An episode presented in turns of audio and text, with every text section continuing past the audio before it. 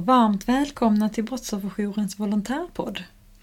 I dagens avsnitt så ska vi träffa en kronofogde från Kronofogdemyndigheten som eh, kommer att gå igenom Kronofogdens uppdrag men framförallt lägga fokus på Kronofogdens roll när det kommer till skadeståndsprocessen. Vad är det Kronofogden gör? Vad har de för mandat att göra? Hur går det till när en utredning görs? När när målsäganden har skickat in blanketten för att få hjälp från Kronofogden för att dra in sitt skadeståndsanspråk. Vad, vad är det Kronofogden gör då? Vad startar för process hos dem? Hur ser det ut vid utbetalningar? Hur, hur ser det ut om den brottsutsatte själv har skulder? Allt det här och, och ännu mer kommer vi få reda på idag när Samuel gästar oss. Så eh, gör er redo för ett spännande avsnitt för nu kör vi!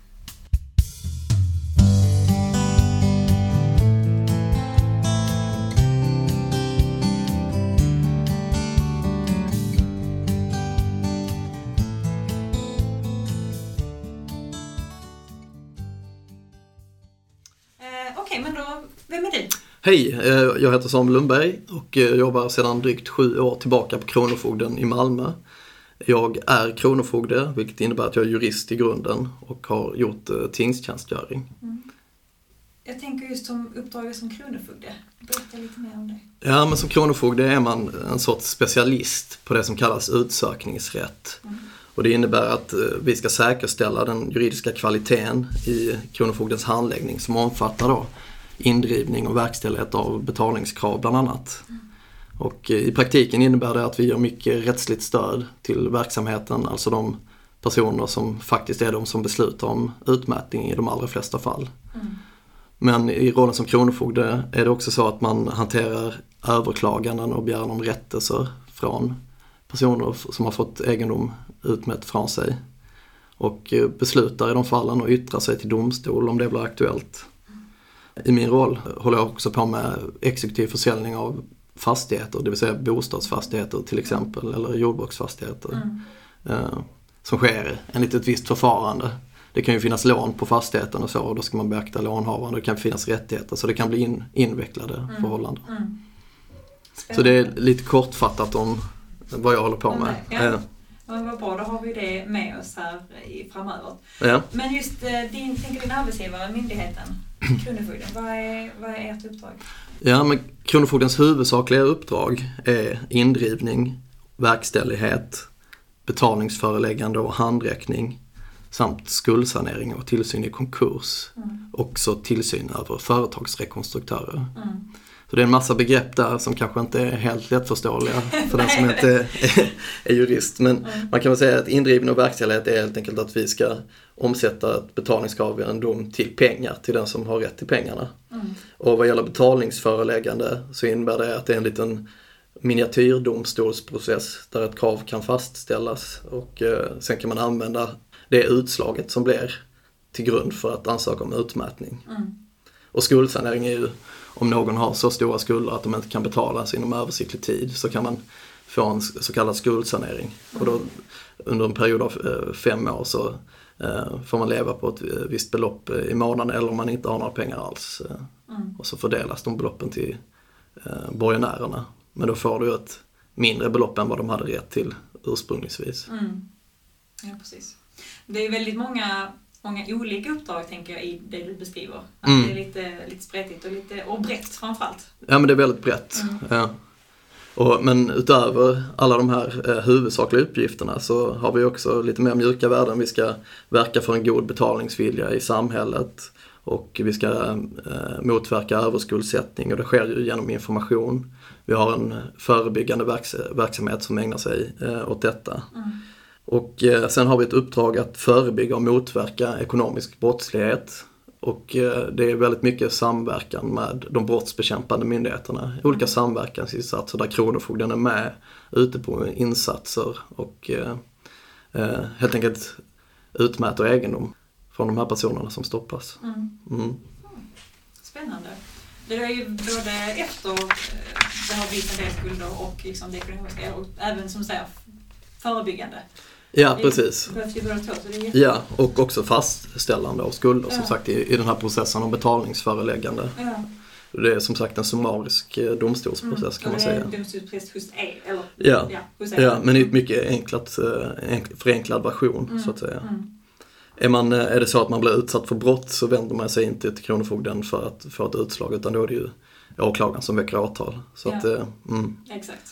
Man får, får sära på processerna. ja, precis. Eh, Men vi är ju här idag för att vi ska prata om, om skadeståndsprocessen och liksom er roll i hela den här, i den här processen. Mm. Eh, Men vilken roll är det som, som ni har i skadeståndsprocessen? Ja, men här är det viktigt att komma ihåg att Kronofogden inte är en, i grunden inte en dömande myndighet utan vi är en verkställande myndighet. Så det är inte vi som fastställer eller beslutar om skadestånd, eller, utan det är ju såklart domstolen. Och eh, Kronofogdens roll är istället att på begäran från till exempel en målsägande i ett brottmål att verkställa betalningen av skadeståndet. I praktiken alltså att säkerställa eller utmäta egendom och sälja den och sen fördela pengar till brottsoffret. Mm.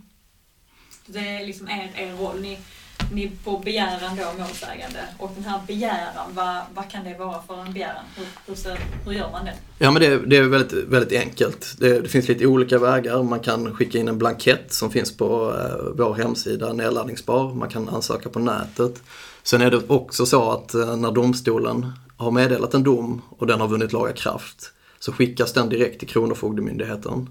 Kronofogdemyndigheten underrättar i sin tur målsäganden och eh, skickar ut en ansökningsblankett som de har möjlighet att fylla i. Mm. Så att det finns, finns lite olika sätt att göra det på. Ja, men, ja. men, men det, är liksom, det är fortfarande målsäganden som måste be er göra det. Så är det, det måste finnas en viljeförklaring. Mm. eh, Att eh, jag vill ha den här domen verkställd. Mm. Och, så Kronofogden sätter liksom inte igång per automatik när en dom har fallit. Utan, för det kan ju vara så att man har kommit överens med den eh, skadeståndsskyldiga hur det ska betalas eller att den personen redan har betalt. Och då blir det ju väldigt märkligt om Kronofogden utan att det har kommit in en begäran om det eh, sätter igång och börjar utmäta egendom. Mm. Mm. Och det är inte heller så att eh, när en dom har fallit så skickas det en faktura eller liknande till den skadeståndsskyldige. Nej. Utan det här är ju upp till parterna att lösa sitt mellanhavande eller då att ansöka om verkställighet hos Kronofogdemyndigheten. Exakt. Och då när, när ni får in det här, den här eh, begäran att ni vill att målsägaren då vill få hjälp med att driva in det här skadeståndet. Vad är det som startar hos er då? Ja men först sker det ju en eh, så kallad verkställighetsprövning och då kontrollerar man att alla de formella förutsättningarna eh, finns och att det finns en, en person som är skadeståndsskyldig och en som har rätt till skadestånd. Och eh, att det finns en dom då, eller exekutionstitel som det kallas, som eh, ger någon rätt eh, att få betalt till ett visst belopp. Mm. Och sen registreras det in då, och, eh, om det inte finns några hinder mot det. Och i nor- normalfallet finns det en ansökningsavgift om 600 kronor, men när det gäller brottsoffer så finns det ingen sådan skyldighet att betala det. Ja, men det registreras in, sen skickas det ut en underrättelse till den betalningsskyldige och då får de enligt huvudregeln två veckor på sig att betala. Men i undantagsfall så kan vi välja att inte skicka ut en sån underlåtelse. Och det är om det är så att vi tror att eh, personen kanske kommer att sabotera verkställigheten om de får en sån underrättelse. Att de gör sig av med egendom eller gömmer egendom. Men det är förhållandevis ovanligt. Mm. Utan de får två veckor på sig att, eh, att betala. Mm.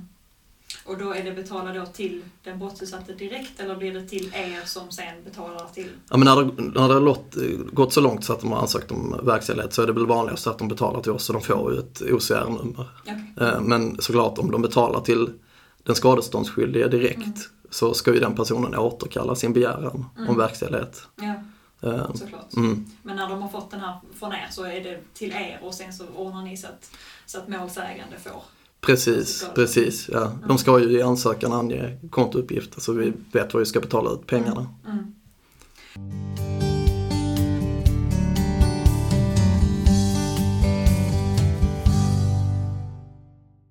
Efter de här två veckorna, om, om, om det är så att, att den eh, skadeståndsskyldige, alltså den dömde, inte betalar de här pengarna, Mm. vad, vad händer då? Men då sätter Kronofogden eh, igång med en så kallad tillgångsundersökning. Det är precis som det låter, vi undersöker vilka tillgångar som den här gäldenären, den skadeståndsskyldige, kan tänkas ha.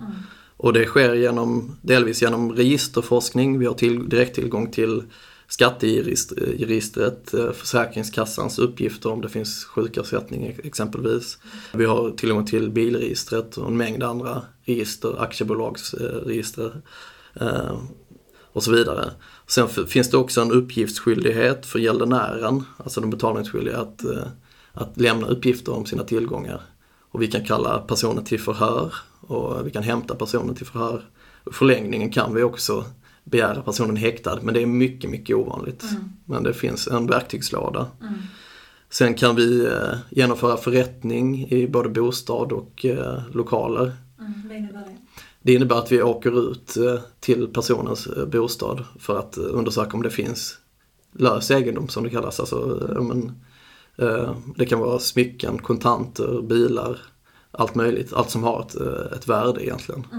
Mm. Och vad det gäller att gå in i någons bostad så är ju det känsligt. Så där får vi bara gå in om det finns skäl att anta att personen håller sig undan. Eller om det annars finns särskilda skäl. Och det är till exempel om någon har ansökt om verkställighet av en kvarstad. Och det är för att eh, personen då inte ska kunna gömma tillgångar. Mm att vi kommer på plats. Mm. Men enligt huvudregeln så går vi ju bara in när personen är hemma eller, eller så, eller att de har underrättats i förväg. Ja, mm. ja. Men då är det ett helt gäng med olika verktyg som ni kan ta för att då helt enkelt undersöka vad det finns för tillgångar?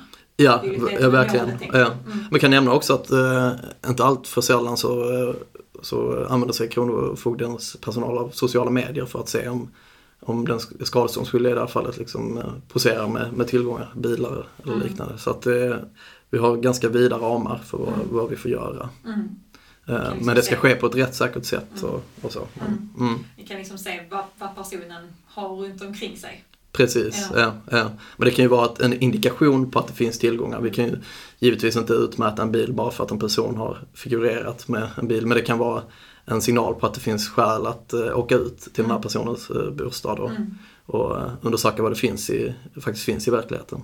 Exakt. Mm. Hur, jag tänker just det vi är inne på, alltså hur, hur avgör ni vem, alltså tänker just med, med en bil, ja. vems bilen är? Alltså om personen då som är skadeståndsskyldig till målsägande använder en bil men bilen kanske inte står skriven på ja. personen. Nej precis. Alltså som utgångspunkt så får Kronofogden bara utmäta egendom som tillhör den skadeståndsskyldiga. Mm. Men sen finns det vissa lättnadsregler, bevislättnadsregler kan man väl säga.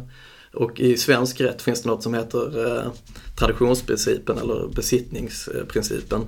Och det innebär i korta ordalag, alltså har du besittning till egendom, det vill säga att du innehar egendom och du har egendom i, i din fysiska sfär, så finns det en presumtion, alltså det antas att du då äger egendomen. Mm. Så om du exempelvis eh, kommer körandes i en bil och stoppas i en sån här samverkansinsats med polisen och Kronofogden. Mm.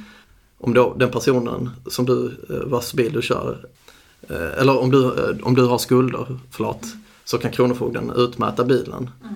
Även om du då menar att det tillhör någon annan. Men då måste den andra personen kunna styrka eller bevisa att det är den som egentligen äger bilen. Mm. mm. Så att, men utgångspunkten är att vi utmäter egendom som tillhör eh, gäldenären. Mm. Men sen så finns det då i vissa fall situationer eh, som gör att det finns en presumtion för äganderätt. Mm. Och då är, det... är det något annat än det som vi har pratat om nu här som ni kan liksom använda i utredningsförfarandet? Tänker förhör pratar vi om, kolla olika register, sociala medier. Ehm. Ja men en viktig sak faktiskt som man inte ska glömma särskilt som brottsoffer eller målsägande är att det kan ju ha funnits en relation med den skadeståndsskyldige tidigare och då kanske brottsoffret har insyn i personens ekonomi eller känner till att personen har tillgångar. Och då är det väldigt värdefullt om eh, den här personen kan eh, liksom tipsa om eller lämna upplysningar till Kronofogdemyndigheten som sedan kan undersöka saken närmare. Mm, mm. Så det är faktiskt en, eh, en viktig sak som jag tycker att de som brottsoffer som lyssnar på, på det här kan ta med sig. Mm. Men också såklart era volontärer då, att de kan mm. upplysa om, har ni någon insyn i i personens ekonomi så är det bra om ni delar med er av det till mm. Kronofogdemyndigheten. Mm. Så har ni det, det försprånget. Mm. Eh, och så pratar här om att, att utmäta tillgångar och så. Vad, vad innebär det?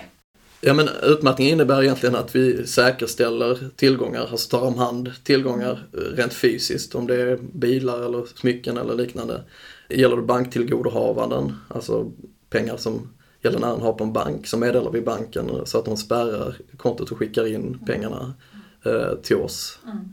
Eh, och vad gäller fastigheter så då kan man ju så att säga inte fysiskt ta hand om fastigheten. Vi kan inte liksom spärra av den utan då eh, skickar vi ett meddelande eh, till Lantmäteriet som eh, gör en anteckning i, i inskrivningsregistret att eh, egendomen är utmätt. Mm. Mm. Så helt enkelt att liksom frysa tillgångarna så att ni, ni kan ta hand om dem. Ja, och i förlängningen sälja Ja. Tillgångar om det, om det är lös eller fast egendom. eh, Mm. Eller om det är bankmedel då, då säljer man inte utan då betalar man ut dem eh, så att säga. När ni har gjort, då har ni gjort utredningen, ni har använt alla era, era verktyg. Mm. Ehm, vad är det som händer sen? Ja men precis, om vi, vi har hittat tillgångar då, då ska vi först då konstatera att den tillhör gäldenären eller att den anses tillhöra gäldenären. Mm. Att den har ett, vad som kallas exekutivt övervärde, det vill säga att det ska vara försvarligt att utmäta egendomen. Säg att vi utmäter en bil och tillkommer det vissa kostnader, till exempel bärgning av bilen. Och eh, sen har Kronofogden en försäljningsavgift på 4% av köpeskillingen också. När det är sålt så ska det finnas ett försvarligt överskott. Sen är det också så att eh, egendomen måste kunna överlåtas. Vi kan liksom inte utmäta till exempel narkotika. Eh, det får ju liksom inte Kronofogden överlåta. Men det kan finnas andra överlåtelsehinder, förbud också. Till exempel om gäldenären har fått en, en, en gammal fastighet i gåva av eh, sin förälder så kan föräldern i gåvobrevet ha skrivit in att den här egendomen inte får överlåtas. Mm. Och det, och det- kan ju bero på att den här personen själv vill kunna utnyttja fastigheten eller, eller så. Mm. Eh, Så att grundförutsättningarna är liksom, det ska tillhöra gäldenären, det ska ha ett övervärde efter att kostnaden har dragits av och att egendomen ska kunna överlåtas. Sen finns det också eh, vissa regler kring eh, att egendom kan undantas eh, från utmätning på grund av att det utgör ett så kallat eh, beneficium. Och då är det att eh, gäldenären eller den skadeståndsskyldige ska få behålla pengar för sitt omedelbara underhållsbehov. Om vi till exempel utmäter bankmedel Mm. så ska vi lämna kvar en summa för att de ska, ska kunna klara sig eh, fram tills nästa inkomsttillfälle. Eh, enligt huvudregeln en månad. Mm. Eller om det finns synnerliga skäl så kan vi utsträcka den tiden om de är arbetslösa Mm. eh, en viss tid. Eh, och sen så såklart vanligt möblemang i, i bostaden och så utmäter vi ju inte. Om det inte är väldigt exklusiva. Det ska vara till skäligt värde det vi undantar. Om det är så att finns nya möbler från eh, eh, Lammhult till exempel så, så kan vi utmäta den och sälja den så får de behålla en del av köpeskillingen Mm. för att köpa lite enklare eh, möblemang. Mm. Vi Eh. skrapar det liksom inte bort utan det får bara vara kvar en viss del så att personen fortfarande kan. Ja, de må- måste kunna fortsätta leva på något Ja. sätt och sen så om det är en person som har, har en enskild firma till exempel och bedriver verksamhet i den så kan, de, kan det vara så att de måste behålla liksom, verktyg för att kunna driva sin, sin verksamhet. Mm. Och I vissa fall så eh, kan vi undanta bilar från utmätning också om de behöver bilen för att ta sig till och från sitt arbete. Mm. Eh, Och det finns ju en poäng i det därför att om de har ett arbete har de en lön. Och då kan vi utmäta en del av lönen istället. Och eh, kan de inte ta sig till arbetet så kan vi inte heller, kan de inte fortsätta jobba då kan vi inte utmäta lönen. Ja, det blir en, en ond cirkel. Mm. Och en sån här utredning, hur, hur lång tid kan den ta? Det låter som kan bli ganska stort. Ja men det beror alldeles, alldeles på. Eh, Man kan konstatera i vissa fall att eh, ganska omgående att personen inte har eh, några tillgångar. Man gör ju en översiktlig koll i alla register. Finns det inga in- indikationer på att eh, det finns tillgångar så kan, kan det gå väldigt fort. Och i andra fall kan det eh, ta längre tid. Mm. Eh, Om det finns eh, mycket tillgångar det är en gäldenär som inte är samarbetsvillig, då, då måste vi använda vår verktygslåda. Då kan det dra ut på tiden. Mm. Mm. Så det ser lite, kan se lite olika ut helt enkelt. Ja. Eh, beroende på. Mm.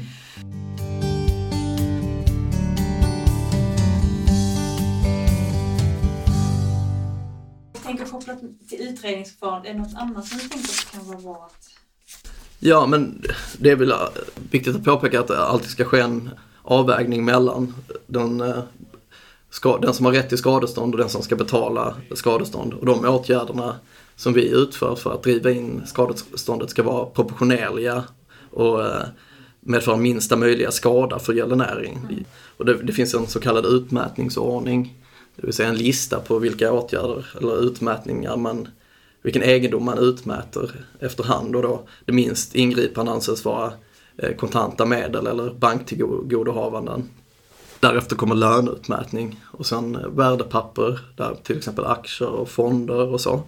Eh, och sen övrig lös egendom som bilar, eh, smycken, dyrbara kläder eller, eller så. Mm. Eh, och sen sist i ordningen eh, bostad, gäldenärens bostad. Mm. Alltså en fastighet eller en bostadsrätt. Mm.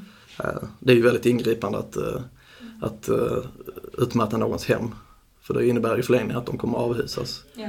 Så just vad gäller bostäder och fastigheter så är det extra viktigt att när proportionalitetsprincipen tillämpas. Mm. I synnerhet om det finns barn boende på, på fastigheten, då krävs det att det, det, är, det är väldigt höga skulder och att eh, man kan få ett eh, försvarligt belopp efter försäljningen mm. till betalning. Mm. Och det kan ju vara så att personen också har en lön. Och om, säg att de har en skuld på 100 000 och den skulden kan betalas inom 10 månader genom utmätning av lönen. Mm. Ja, då utmäter vi ju inte fastigheten utan då får man som eh, borgenär helt enkelt vänta en mm. viss tid. Borgenär är den som liksom kräver på pengarna? Precis, ja. ja. I, i, I det här fallet kanske då brottsoffret. Ja, precis. Mm. Mm. Och när vi nu har gjort utredningen och liksom och börjat utmäta, vad, hur, vad händer efter det? Alltså efterhand så utmäter vi ju mm. E- egendomen. Mm. Men eh, är det så att vi inte påträffar några eh, tillgångar så upprättas det en så kallad utredningsrapport mm. som eh, levereras till brottsoffret eller borgenären som, det, mm. som det också kallas. Mm. Och den kan de ju använda på olika sätt. De kan ju vända sig till Brottsoffermyndigheten för att få brottsskadeersättning. Mm. För att få det så krävs det att man har uttömt alla andra eh, möjligheter att få betalt för sitt skadestånd. Och det, utöver då att man har vänt sig till Kronofogden och försökt få betalt så ska man också ha undersökt sina möjligheter att be, få betalt för skadeståndet genom försäkringar. Så att eh, eh det har ett värde även att konstatera att gäldenären eller den skadeståndsskyldige inte har några tillgångar. Mm. Så att oavsett om man, om man som brottsutsatt, man kanske vet om att här finns förmodligen ingenting, mm. så är det alltid bra att vända sig till er så att ja. man kan få den här rapporten som man sen kan vända sig till Brottsoffermyndigheten. Precis, det, det utgör ett, eh, ett formellt bevis för att mm. här finns det inga tillgångar. Nej, precis. Så att, eh, mm.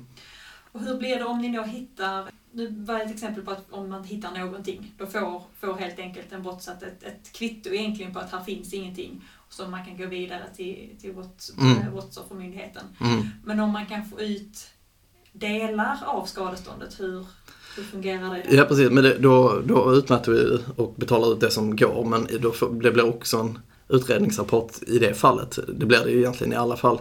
Eh, och, eh, men då konstaterar man att det, det, finns tillgångar men inte till täckande av hela eh, skadeståndet. Mm. Så att även i det fallet man får delvis betalt så får mm. man en utredningsrapport. Mm.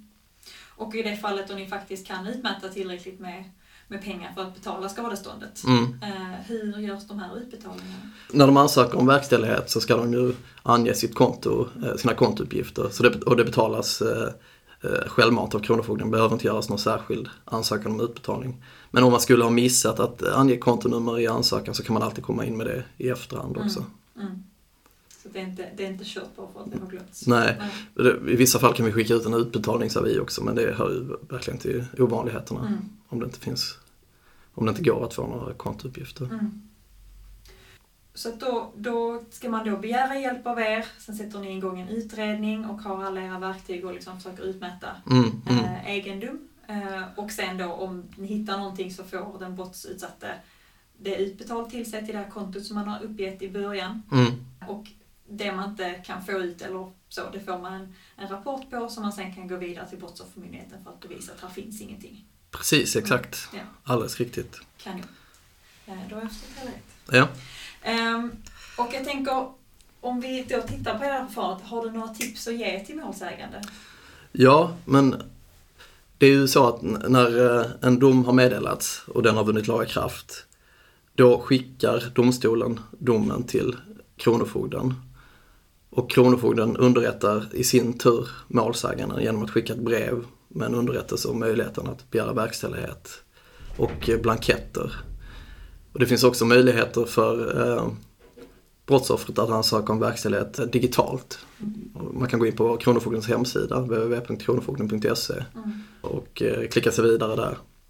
Men det krävs faktiskt inte att en dom har vunnit laga kraft för att man ska ansöka om verkställighet. Utan det kan göras så fort tingsrätten har meddelat sin dom. Och då kan Kronofogden påbörja sin tillgångsutredning och säkerställa tillgångar, det vill säga utmäta dem. Däremot så går vi inte vidare och försäljer egendomen innan domen har vunnit lagkraft. Mm. Och vi talar inte heller ut några medel. Mm. Det finns vissa undantag att vi kan sälja egendom även innan det har vunnit lagkraft. Och det är till exempel egendom som snabbt faller i värde. Mm. Till exempel färskvaror. Eller om det är väldigt kostsamt att, att uh, ta hand om egendomen. Hästar är ett exempel på det. Mm. mm. Då, då, får vi sälja egendomen. Uh, utan hinder av att den inte har vunnit lagakraft. Mm.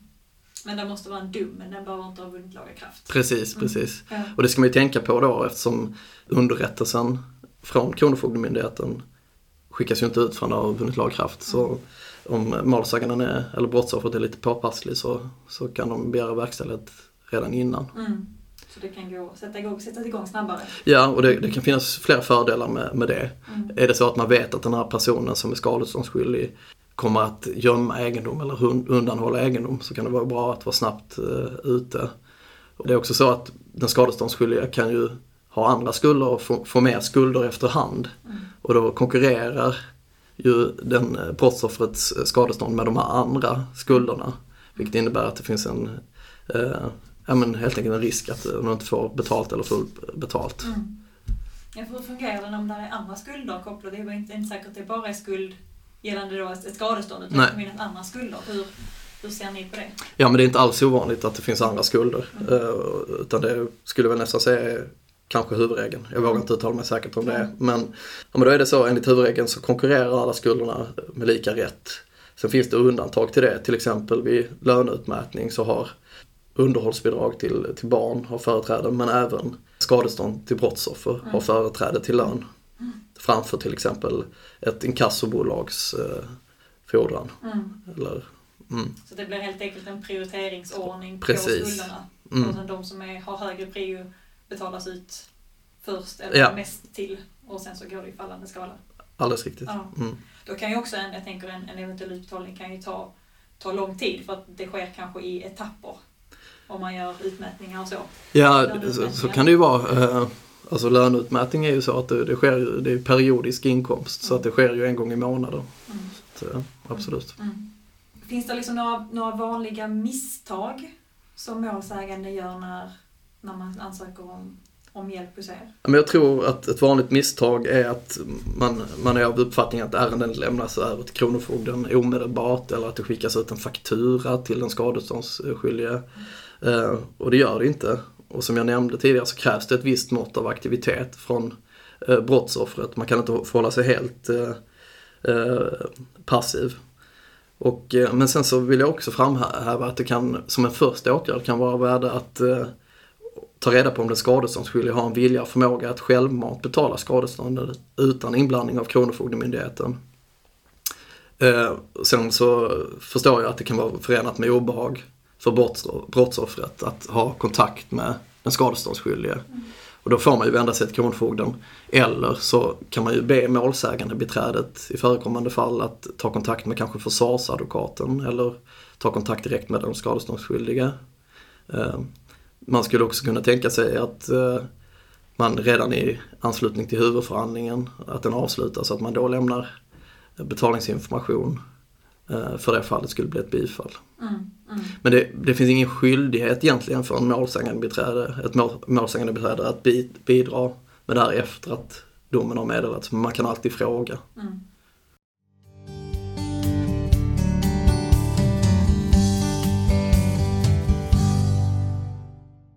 Nu pratar om vad som händer efter ni har gjort er utredning och, och, eh, och att liksom, om det finns tillgångar och vad som inte, om det inte finns. Mm.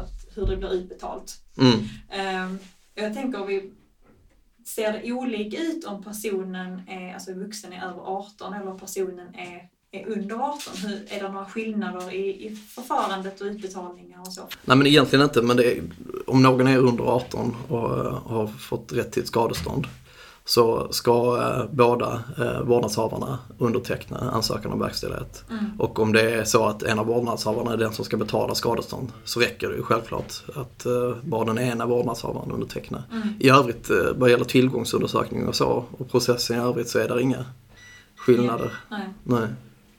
Uh, och hur blir det för att prata om det här med, med kontoutdraget som man ska fylla i blanketten? Mm. Uh, eller förlåt, eh, kontonumret. Mm. Uh, kan det vara så att dubbelkolla för Brottsoffermyndigheten har ju ibland att de kan sätta ett, ett speciellt konto kopplat till, till den som är under 18 så att de får de, till de pengarna sen när de blir 18. Har ni någon, något liknande just jag tänker om det är så att föräldrarna tar tar pengarna? Just det, nej alltså jag, så vitt jag känner till så gör vi ingen sån kontroll utan vi godtar de kontouppgifterna mm. som lämnas mm. eh, till oss. Ja. Jag vågar inte ta gift på det men jag är eh, ganska så säker. Jättebra. Är det någonting annat som, som du tycker att vi har har glömt och så. Är det någonting som, som du tror är viktigt i kontakten just med, med brottsutsatta och vittnen? kopplat till skadeståndet från, från, vårt, alltså från vår perspektiv. Men jag tror det är bra att man har en eh, översiktlig koll på hur det går till hos Kronofogden. Lite utifrån vad jag har beskrivit nu. Mm. Men och allt som jag varit inne på, att man är ute i god tid och har blanketter med mera redo när domen faller. Mm. Och kanske att man anvisar egendom om det är så att man känner till att eh, den skadeståndsskyldige har vissa tillgångar. Mm. Och att man eh, kanske kan lämna betalningsinstruktioner till den skadeståndsskyldige. Och det, är ju, det, är, det snabbaste sättet att få betalt är ju att, eh, att den skadeståndsskyldige betalar direkt till brottsoffret. Mm. Men som sagt så tror jag också att det finns en missuppfattning att en dom måste ha vunnit laga kraft mm. innan man ansöker om skadestånd. Ja, det, det tror jag också. Mm. Eh, så det är ju super, superbra. Mm. Men om vi vänder lite på, på kakan så tänker jag om det är så att, att man som brottsutsatt har skulder mm. eh, hos Kronofogden, ja. får ett skadestånd utbetalt. Blir det tillgångar som kan då utmätas av er? Ja men det beror lite på. Om det är så att det gäller ett skadestånd på grund av personskada, vilket det så gott som alltid är, då finns det ett eh, skydd. Eller det får inte utmätas, det, det skadeståndet. Och eh, det är ju för att det ska liksom reparera den skadan för, för brottsoffret. Däremot så eh, vad det gäller så kallad förmögenhetsskada, att något har gått sönder eller så, mm. så finns det möjlighet till utmätning. Ehm, men när skadeståndet väl har eh, betalats ut så är det viktigt att den skadelidande eh, separerar de pengarna, avskiljer de pengarna, sätter in det på ett, eh, ett specifikt konto. Mm. För att annars om det sammanblandas med, med den andra egendomen så kan Kronofogden eh, komma att utmäta det. Mm. Och är det något speciellt konto eller kan det vara vilket bankkonto som, som helst? Nej men det är väl viktigt, det kan nog vara ett tips att ange liksom, eh, något namn på kontot, typ mm. Eh, skadestånd på grund av brott eller, mm. eller liknande. Men, eh, men det kan man ju föra bevisning om, om det skulle vara så att Kronofogden utmäter det så får mm. man ju överklaga eller begära rättelse och, och lägga fram de handlingar som visar att ja, men det, här, det här beloppet har satts av till detta och det gjordes då och då. Mm. Och så. så kan Kronofogden i så fall rätta utmätningen. Exakt, så det, det är jätteviktigt då att separera mm. Ja, det är väldigt viktigt. Ja, för vi kan liksom inte avhålla oss från att utmäta pengar när det finns ett konto. Mm. Utan eh, då måste man ju separera de ja. pengarna liksom, och visa att men det här är det som jag har fått i skadestånd och de här andra pengarna är mm. så att säga. Ja. Så att skadeståndet är liksom fredat från eh, utmätning mm. så länge det hålls separat ja. från de andra. Ja. Eh. Precis, och vi kan inte heller såklart utmäta det direkt när det finns en eh, dom på skadestånd. Liksom. Mm. Och hur blir det för om man an använder skadeståndspengarna i något, köper någonting eller, eller kan ni utmäta det som man köper? Ja, men det finns okay. faktiskt ett ganska färskt avgörande från Högsta domstolen mm. där det var en person som hade fått skadestånd eh, utom då personen hade också skulder. Och då köpte den här personen en eh, motorcykel och sen utmätte Kronofogdemyndigheten motorcykeln. Mm. Eh, och det överklagades, gick hela vägen upp till Högsta domstolen. Och Högsta domstolen kom fram till att den eh, motorcykeln då hade ju inköpt för pengarna från skadeståndet och ersatt liksom, pengarna. Pengar, ja. det är lite skadeståndet fast det är en materiell sak. Liksom. Precis, mm. och då hade personen rätt att behålla, det kallas surrogation okay. på mm. juridisk språkdräkt. ja. Så att, mm. Så att då är det viktigt att, att hålla det liksom separat ja. från det andra om man vill behålla det. Ja, att man kan identifiera den här liksom, mm. andra tillgången som man har köpt. Mm. Så att, Vad skulle du Jobbar du kanske inte rent praktiskt liksom, i utredningar? Så, ja, det händer ju att jag är inblandad också. I, och vad är, det som, vad är det som är det svåraste i, i utredning? Ja, men alltså, egentligen skiljer sig inte verkställighet av skadestånd på något sätt i, i förhållande till andra mm. eh, anspråk. Mm. Utan eh, tillgångsundersökningen ser i princip likadan ut. Mm. Men det svåraste är ju, det kan ju vara att eh, hitta eh, tillgångar eh, om de eh, göms. Men det är också, såklart kan det ju vara svårt, det är ju, kan ju vara en väldigt utsatt situation även för den skadeståndsskyldige. Och att eh, utmäta en bostad är ju alltid det är ingripande. Så det är ju svårt på ett personligt plan, kan det ju vara. Liksom. Ja. Eh, och så. Mycket, mycket människoöden, tänker jag. Väldigt mycket människoöden, mm. mycket livsöden man får en inblick i. Mm. Um, och vad, vad tänker du det finns för förväntningar på er? Mm. Uh, som liksom, i Kronofogden just kopplat till term skadestånd som, uh, som kanske inte riktigt stämmer? Det är ju så att uh, man kan inte lugga en skallig. Finns det inga tillgångar så kan vi inte utmäta.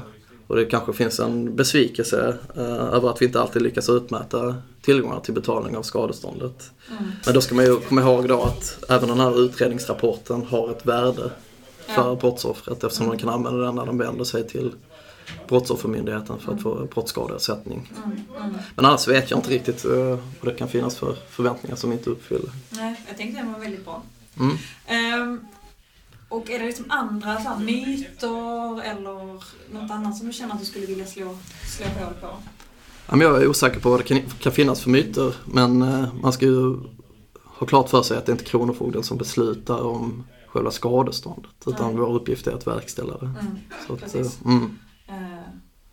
Och vad är det bästa med, med ditt jobb? För min del så är det den stora variationen. När jag berättade lite tidigare om vad, vad det innebär att jobba som jurist på Kronofogden så är det en, en arbetsdag kan innehålla väldigt många olika typer av ärenden och mm. arbetsuppgifter. Mm. På morgonen kanske jag säljer en fastighet på exekutiv auktion och eh, på eftermiddagen skriver jag några yttranden till domstol eller beslutar att upphäva en utmätning. Och jag kan få ett telefonsamtal från en inspektör som är ute på en bostadsförrättning mm. och som undrar vad, vad är det rättsligt korrekt att göra i det här läget. Mm. Så att, eh, ja men variationen mm. skulle jag säga är det mest roliga. Det är inte, dagarna är inte varandra lika? Nej, nej, nej.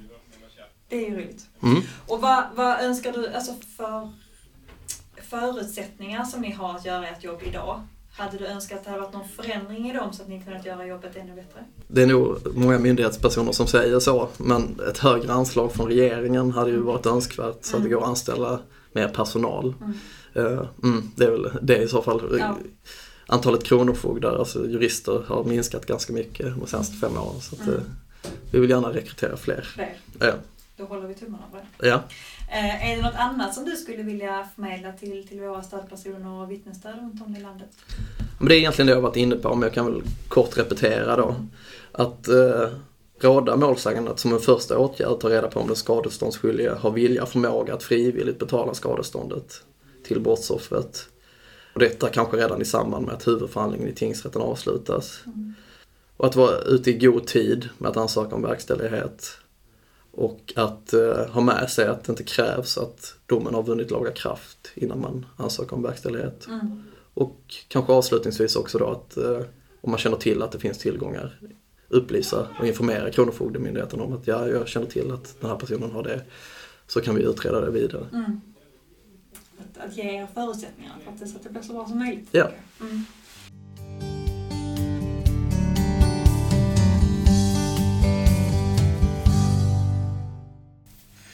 Då tackar vi Samuel så himla mycket för den fantastiska genomgången av Kronofogdens roll i skadeståndsprocessen.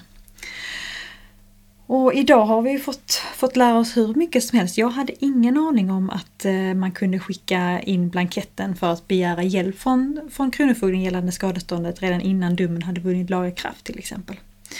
Och eftersom vi inte vet hur lång utredningen tar hos Kronofogden så kan det ju vara jättebra att göra det. Dessutom som, som Samuel sa att kan vi underlätta så att inte den dömde då kanske gör sig av med eventuella tillgångar, gömmer eventuella tillgångar redan när, när domen kommer. Så att skicka in det snabbt och då framförallt göra det via deras hemsida så det går ännu snabbare. Så det är absolut att, att föredra. Vi eh, kan ju också ta med oss det här att är det så att målsäganden vet om att det finns tillgångar sedan innan, att personen meddelar Kronofogden det vid ansökan om att få, få hjälp.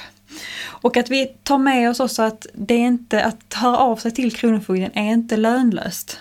Det har sitt syfte och det är för att man ska ha uttömt alla möjligheter att få sitt skadestånd till sig innan man vänder sig till Brottsoffermyndigheten. Så att man får den här utredningsrapporten som Samuel pratar om.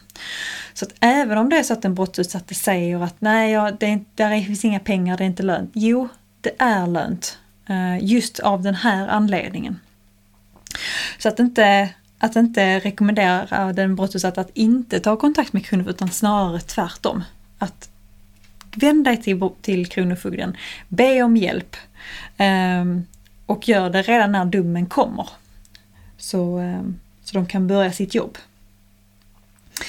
kan också vara bra att komma ihåg att skulle det vara så att en brottsutsatte själv har skulder, jag kan tänka mig att det kan komma en del frågor. Jag har fått det under, under min tid i brottsofferjouren i alla fall, att göra de här, de här skadeståndspengarna så isolerade som möjligt. Alltså att man sätter in dem på ett vanligt sparkonto, eh, håller dem särskilda från de andra tillgångarna så att det bara blir skadeståndet som finns där eftersom då kan Kronofogdemyndigheten inte uttömma dem.